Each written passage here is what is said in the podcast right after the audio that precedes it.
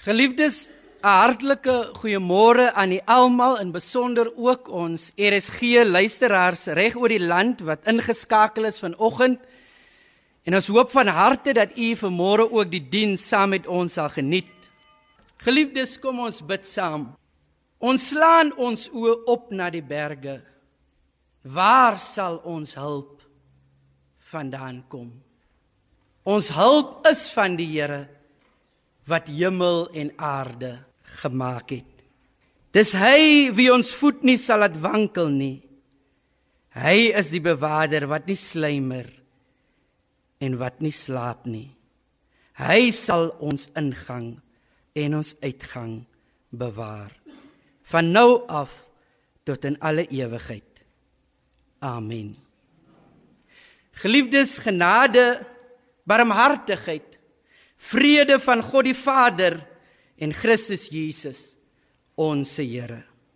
Ons antwoord vanmôre op die begroeting deur saam te sing Sion's Gesang 297 as die lewensstorms woedend om jou slaan en jy gans onmoedig vrees dat jy vergaan tel jou seëninge noem al een vir een en jy sal God se goedheid prys soos nooit voorheen. Kom ons sing dit staande saam.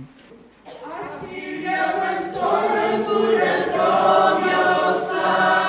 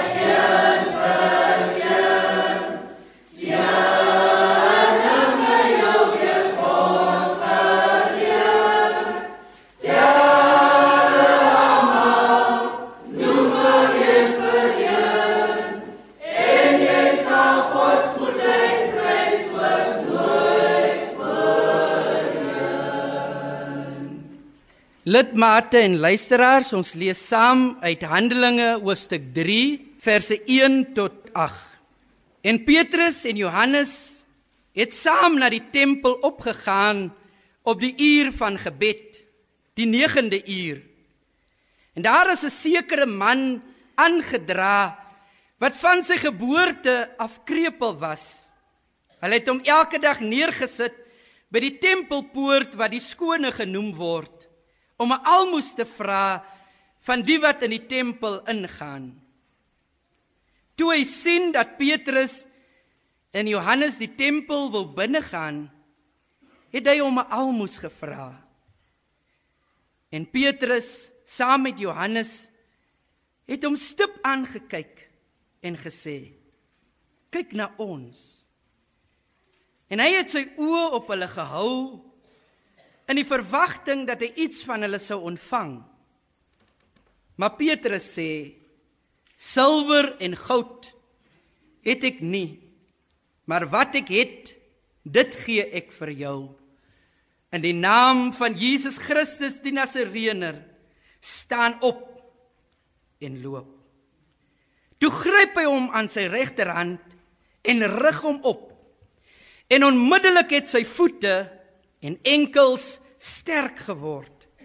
En hy het opgespring en gestaan en rondgeloop en saam met hulle in die tempel ingegaan terwyl hy rondloop en spring en God prys.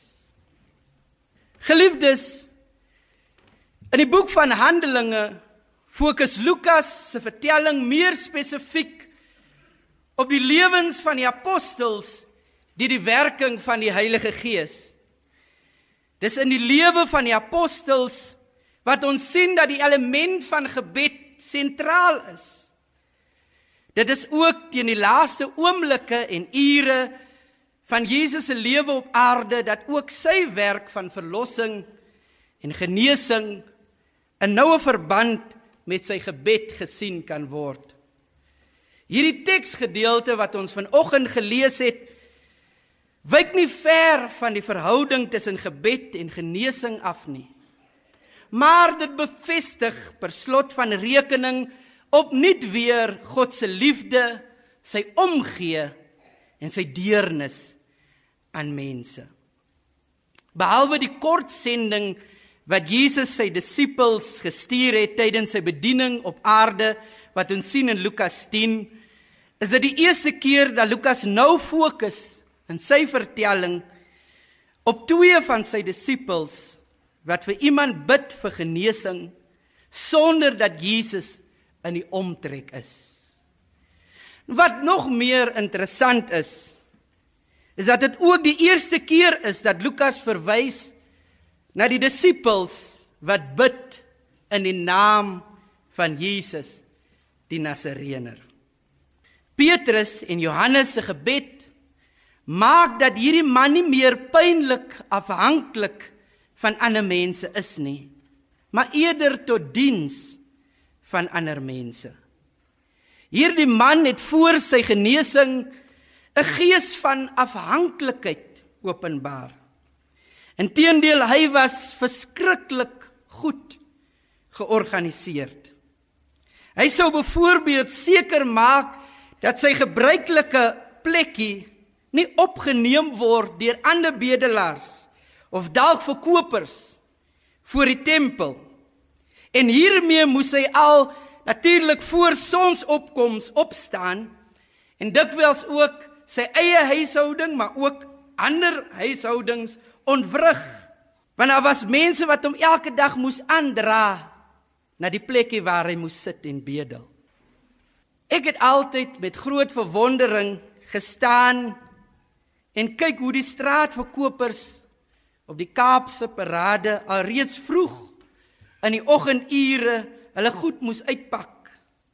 En dan weer laat in die aand moes hulle weer hulle goedjies weer terugpak en ook hulle tente weer afbreek. Dit vra tog goeie selfdissipline. Dit vra ook 'n getroue passie. Dit vra 'n tipe ingesteldheid.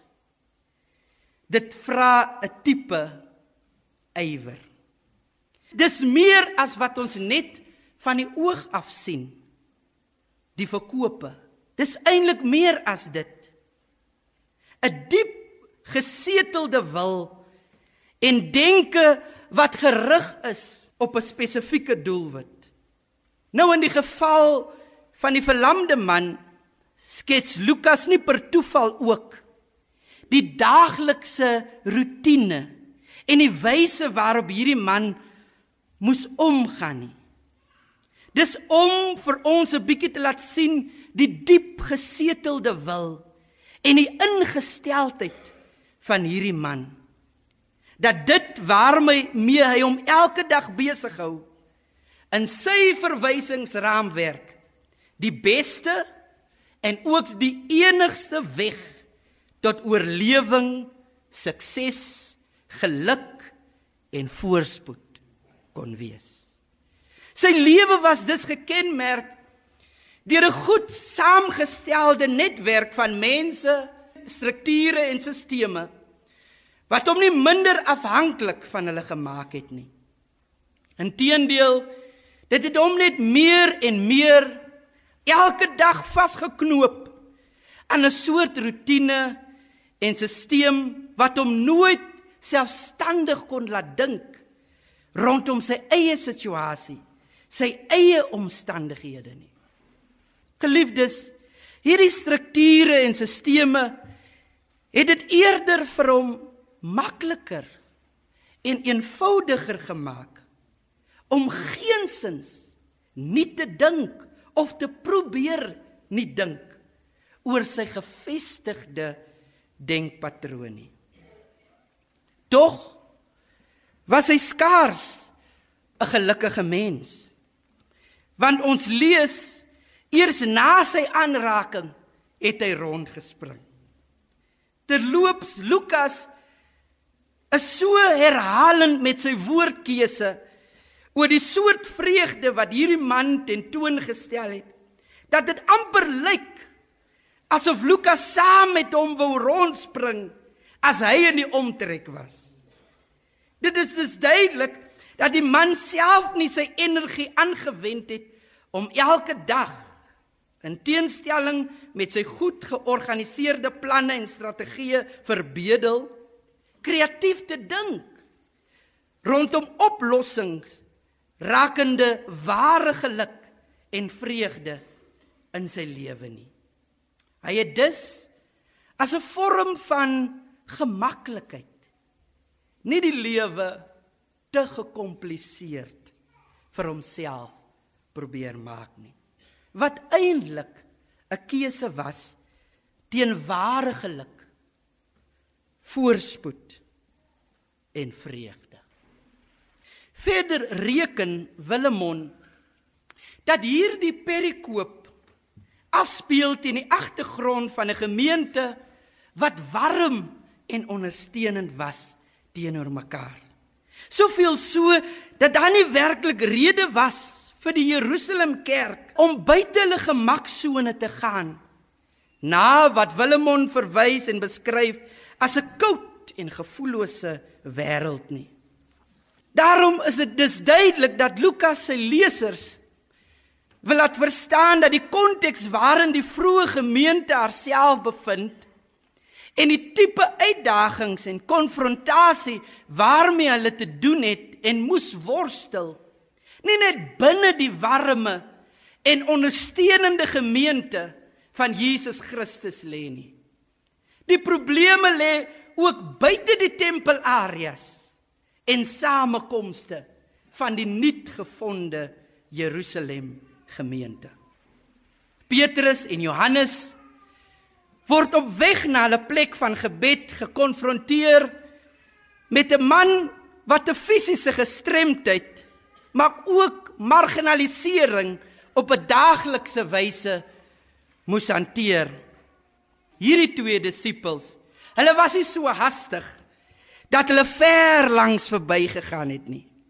Hulle word ook nie verblind of selfs aangehits deur die vurige gebedes wat lank reeds aan die gang is in die tempel nie. Maar hulle passie word geken aan die Misjudei om betrokke te raak waar God op daardie bepaalde tyd besig is. Dit is Pieter Wagner wat reken dat hierdie man elke dag daar moes sit en dat dit onmoontlik kon wees dat baie mense vir maande of selfs jare hierdie man nie voor die tempel kon sien nie. Inteendeel, hy sê as iets met hierdie man sou gebeur en sy foto in die plaaslike koerant verskyn, sal almal daardie man onmiddellik herken het. Maar tog was dit om binne die tempel te kom. Vir baie getroue en wetsgehoorsame Jode was dit meer belangriker as om 'n almoes te gee. Die man in die teks was gekenmerk aan sy afhanklikheid, sy broosheid, sowel as die feit dat hy beslis toerekeningsvatbaar was. So mens het ook nie beheer oor hoe mense hom of haar sal behandel nie. En is dikwels aan mense se krie reaksies en soms ongevraagde aanmerkings en beledigings oorgelaat. Hy was ook inderdaad aan Petrus en Johannes se reaksie oorgelaat. En dit spreek boekdele vanoggend. Hoe het Petrus en Johannes gereageer? As hulle lastig geval word deur 'n man wat self nie in die tempel ingaan nie. Maar wat nou vir hulle wat in die tempel wil ingaan, wil lastig val of wil steur. Hoekom sal hulle dan nou betrokke wil raak by 'n welsyn geval? Is dit nie beter om binne die tempel te kom sodat hulle hulle seëninge vir die dag kan ontvang nie? Petrus en Johannes dink anders. Hulle het stil gestaan. En wat ek noem 'n tweede openlig diens gehou naas die toespraak van Petrus op Pinksterdag.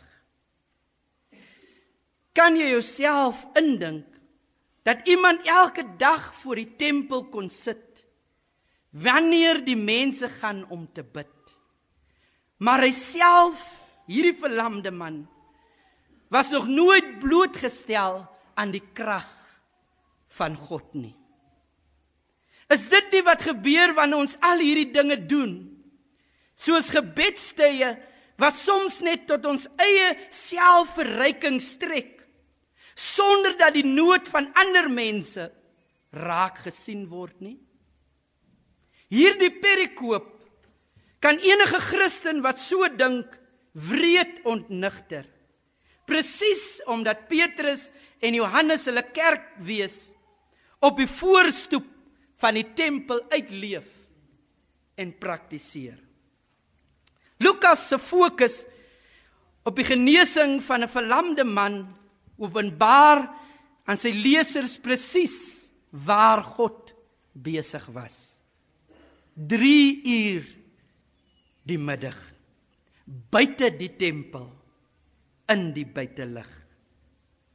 Die tempel het een ekstra aanbidder bygekry omdat twee getroue volgelinge van Jesus hulle kerkwees straat toe geneem het.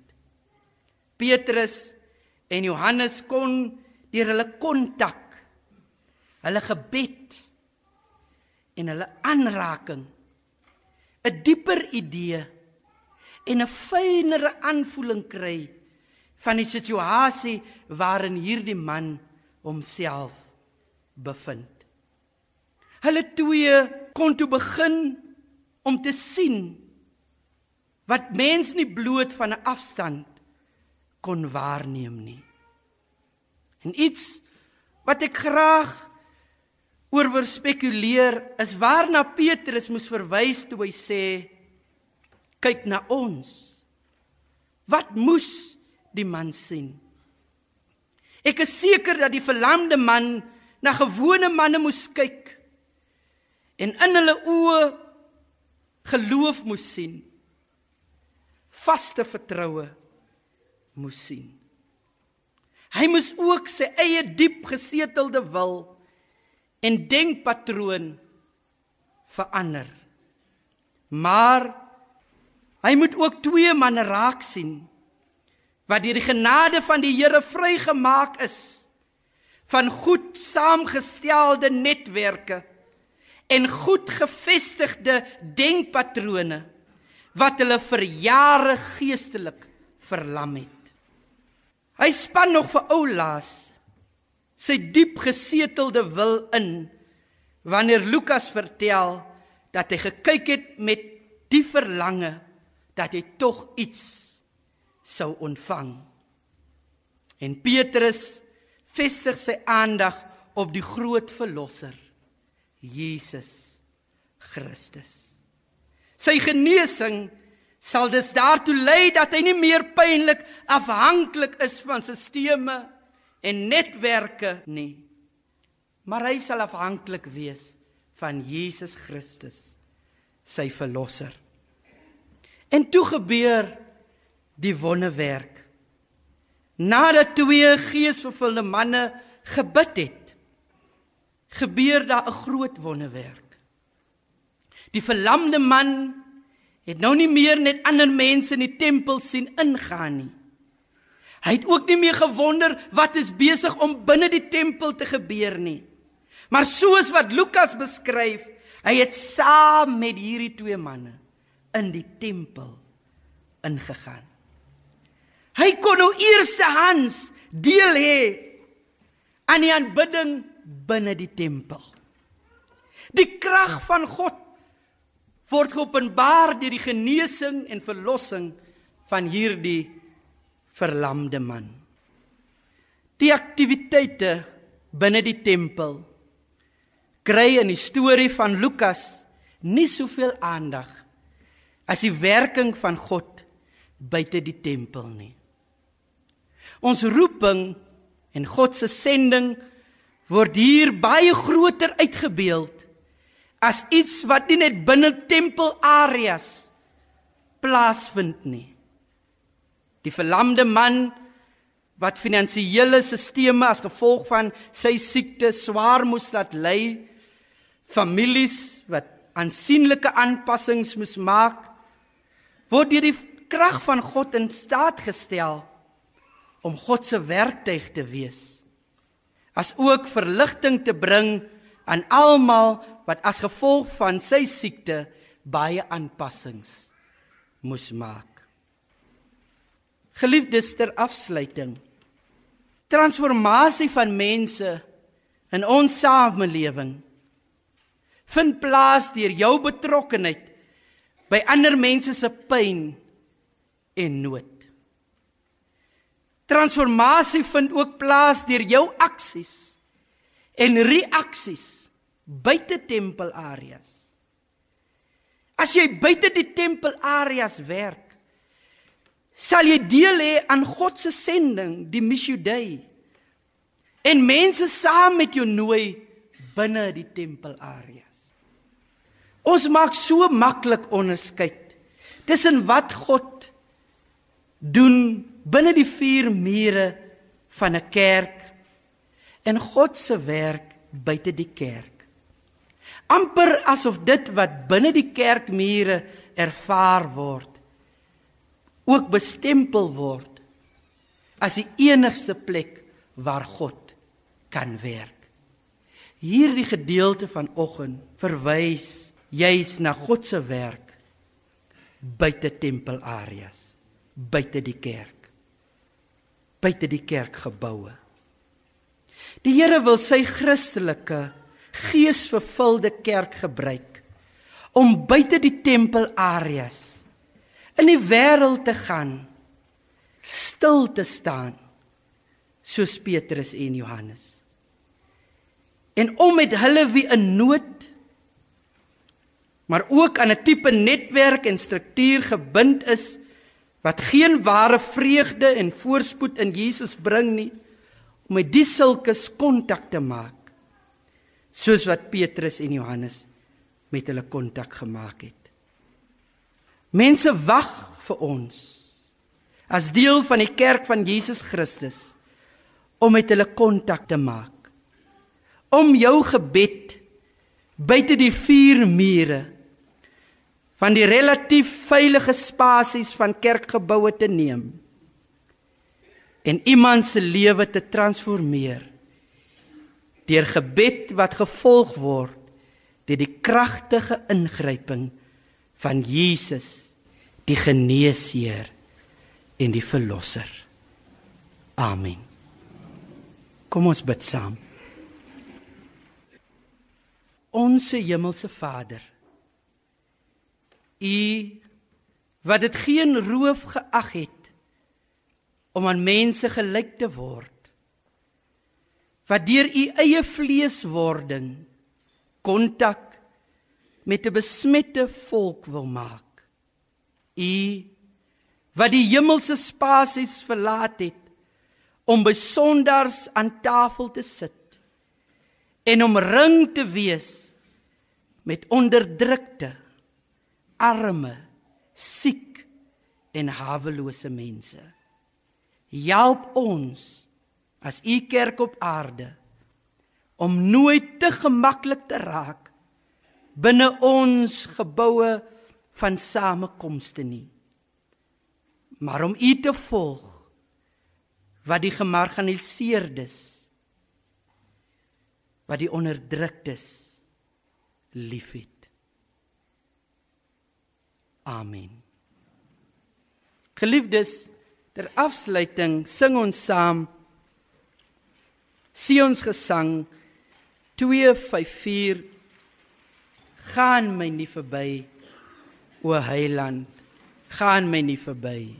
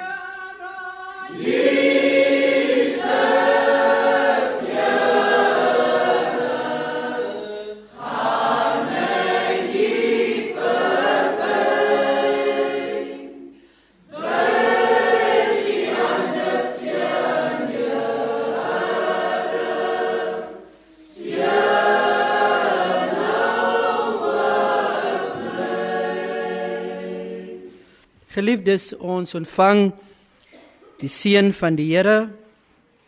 Die Here sal jou seën en jou behoed. Die Here sal sy aangesig oor jou laat skyn en jou genadig wees.